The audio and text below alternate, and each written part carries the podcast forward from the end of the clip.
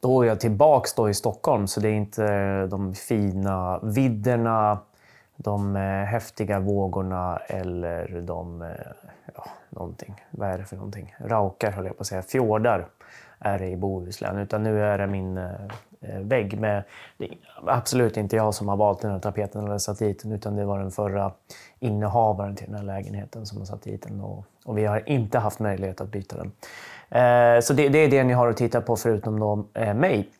Oklart vilket som är värst. Jag tänkte idag att jag skulle prata om eh, lite gammal skåpmat egentligen. Då. Det är ingenting, ingen, ny, ingen ny studie, ingenting nytt som har hänt eller något sånt där. Utan någonting som jag bara har tänkt på att jag inte har uppmärksammat i den här kanalen. Och det är egentligen en del av det som jag skrev om i Träna mindre.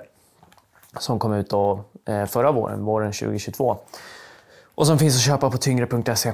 Ehm, det här med intensitet i träningen, eh, egentligen hur viktig den är. Och I det här fallet tänkte jag prata om en specifik grej inom styrketräning och det är okklusionsträning eller strypträning eller katsuträning eller eh, blood flow restriction training som det ofta heter på eh, engelska.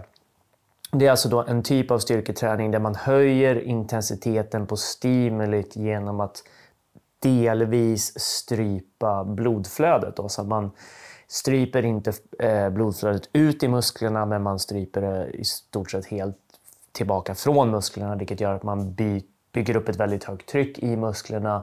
Det blir en hög ansamling av metaboliter, den metabola stressen blir därmed högre Eh, och man kan då uppnå väldigt goda resultat på både styrka och framförallt hypertrofi med väldigt, väldigt låga vikter. När man pratar om väldigt låga vikter så har man ju liksom sett att man kan uppnå nästan identiska resultat på både styrka och hypertrofi om man kör med eh, väldigt många repetitioner med lätta vikter till fail. Men då pratar vi om kanske 60% av ett RM och uppåt, så att man kanske kör 25 reps eller någonstans där börjar, liksom, börjar man tappa eh, den här effekten. Då. Men när man pratar om eh, okklusionsträning så är man liksom ner mot kanske 20 40 procent av ett RM. Så man är nästan aldrig uppe på högre vikter än 40 procent av sitt max. Då. Vilket är alltså då väldigt lätta vikter. Tar du 100 kilo i knäböj så kör alltså okklusionsträningen med bara stången. Och det här gör ju då möjlighet att utföra den här träningen på ett väldigt effektivt sätt på till exempel semestern då, där man inte har tillgång till kanske sitt vanliga utrustning eller sitt gym eller sådär. Eller man kanske inte har tid att ta sig dit eller man orkar inte eller whatever. Liksom. Eh, det ger också en stor möjlighet inom rehab som jag återkommer till senare. Men tanken här är då som sagt att man ökar stressen på muskulaturen vilket gör att man kan då träna med väldigt lätta vikter och ändå uppnå goda resultat. Och det här, gör man då, det här gäller ju då bara alltså ben och armar, alltså lemmarna. Det är klart man skulle kunna tänka sig att man okklusionstränar musklerna liksom ovan halsen, men det kan ju ha fatala konsekvenser att strypa blodflödet där. Och det är lite svårt att strypa blodflödet liksom på bålen eftersom det involverar kirurgi och sådana saker, så det, det, blir inte så praktiskt. Utan det man kan göra är då att man kan ha till exempel en sån här grej. Den här har jag fått från eh, hemsidan stasband.se. Och det här är ingen betald reklam eller någonting liknande, utan det är bara väldigt bra grejer och en väldigt bra resurs från en, en väldigt intresserad snubbe som håller på med det här. Så den här är då eh, en liksom, det här sätter man på benet. Det här är som en, ungefär som en blodtrycksmanschett om man någonsin har sett en sån.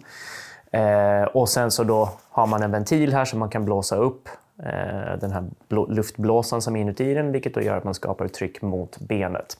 Man använder sig då av eh, en sån här rackare. Det här är väldigt precis. Här kan man ju då liksom se vilken millimeter kvicksilvertryck man har. Och om man då vet vid vilket tryck man stryper eh, det arteriella blodflödet, låt säga att man har ett arteriellt blodtryck på 120 om man är frisk. Eh, då stryper man det arteriella blodflödet vid ungefär 120 mm kvicksilver. Och om man då kör någonstans mellan kanske 20 till 80 procent av det trycket, brukar man säga är liksom intervallet, alltså ett väldigt stort intervall. Eh, det är väldigt svårt att göra fel helt enkelt, men om man då kör på ett tryck som är inom det intervallet så kan man då åstadkomma strypning. Och så då kan man göra ett, ett vanligt upplägg är att man kör eh, vad blir det, fyra set där man kör först 30 repetitioner och sen så ungefär 30 sekunders vila och sen 15 reps, 30 sekunders vila, 15, 30, 15 och sen så drar man ur luften ur eh, manschetten och släpper på blodet igen och då blir det väldigt skönt. Innan det gör det för jävla ont kan man väl säga. Det finns andra sätt att göra det på, till exempel om man kör set till fail eller sådär. Det är inte superbra studerat exakt vilken typ av upplägg som är bäst. Min bästa gissning är väl att det inte spelar sådär jättestor roll utan att som vanligt är det volymen som är det viktiga och det är en av anledningarna till att man har sett att mer strypning är inte nödvändigtvis bättre, för det gör egentligen bara mer ont och då kanske man orkar med mindre träning. Så att om du då kör med det där stasbandet på och så kör du liksom ett, ett tryck som inte gör ont från början men som gör jävligt ont på slutet, då är det nog någonstans rätt och då kan du göra knäböj med typ en lätt kettlebell i handen eller något liknande. Eh, så så länge du kör typ 30 reps och sen 15, 15, 15 så ligger du någonstans rätt och då kommer du få väldigt bra resultat på hypertrofi och liksom schyssta resultat även på styrkan.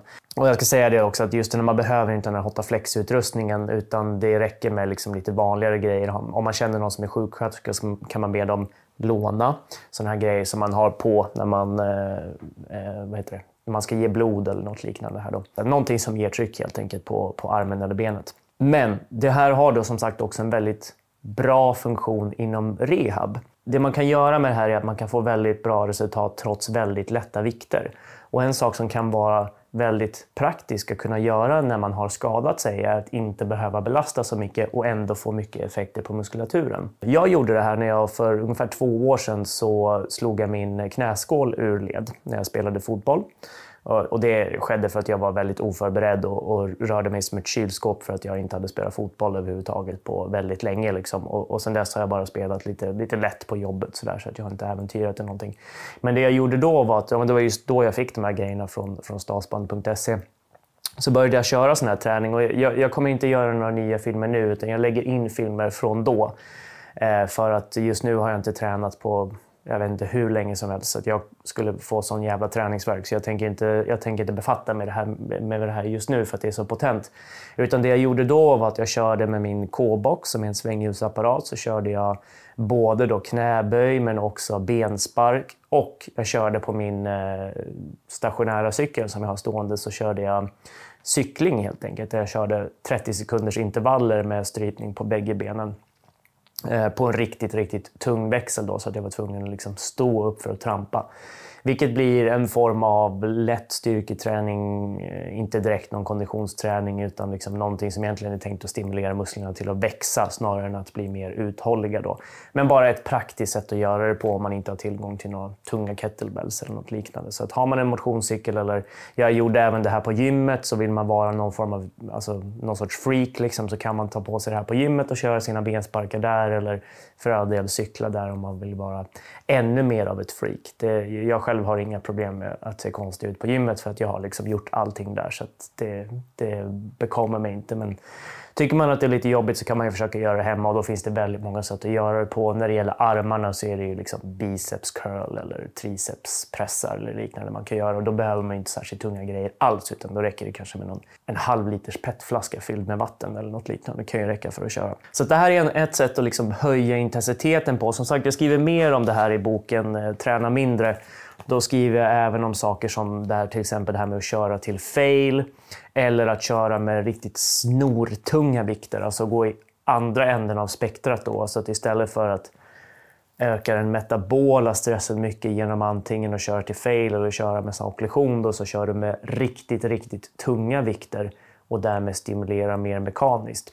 Och alla de här sätten stimulerar till ökad muskeltillväxt och ökad styrka ungefär lika mycket. Sen är det ju liksom såklart skillnader, små, små skillnader däremellan där, där man såklart då ser att man blir liksom mer stark om du tränar med riktigt tunga vikter och mer uthållig och kanske större om du tränar med lite lätta vikter till fail eller okklusionsträning eller sådär. Men de skillnaderna är i alla fall på kort sikt ganska försumbara. Så pratar vi om liksom en sommar eller en en rehabperiod eller till och med kanske om ett års träning så det, spelar det nog inte så stor roll vilket fokus du har. Men siktar du på att bli maxstark i ett lyft, till exempel som en styrkelyftare. Då det finns en anledning till att de tränar mycket med väldigt tunga vikter. Då. Men så det finns olika sätt att höja intensiteten på och det här, just det här med okklusionsträning är ett sätt som jag tror är, kan vara ballt att testa om inte annat. För det, det gör väldigt ont, men man lär sig ganska mycket om sig själv när man gör det. Och det är väldigt, väldigt effektiv träning. Det kan man känna dagen efter om inte annat. Så det var det hela. Jag har beställt nya böcker av eh, nya ex av springsmart så att de kommer nu i en låda här snart. Så då finns det möjlighet att beställa signerade ex igen. Jag säger till när det händer. Om inte annat så ses och hörs vi när vi gör det.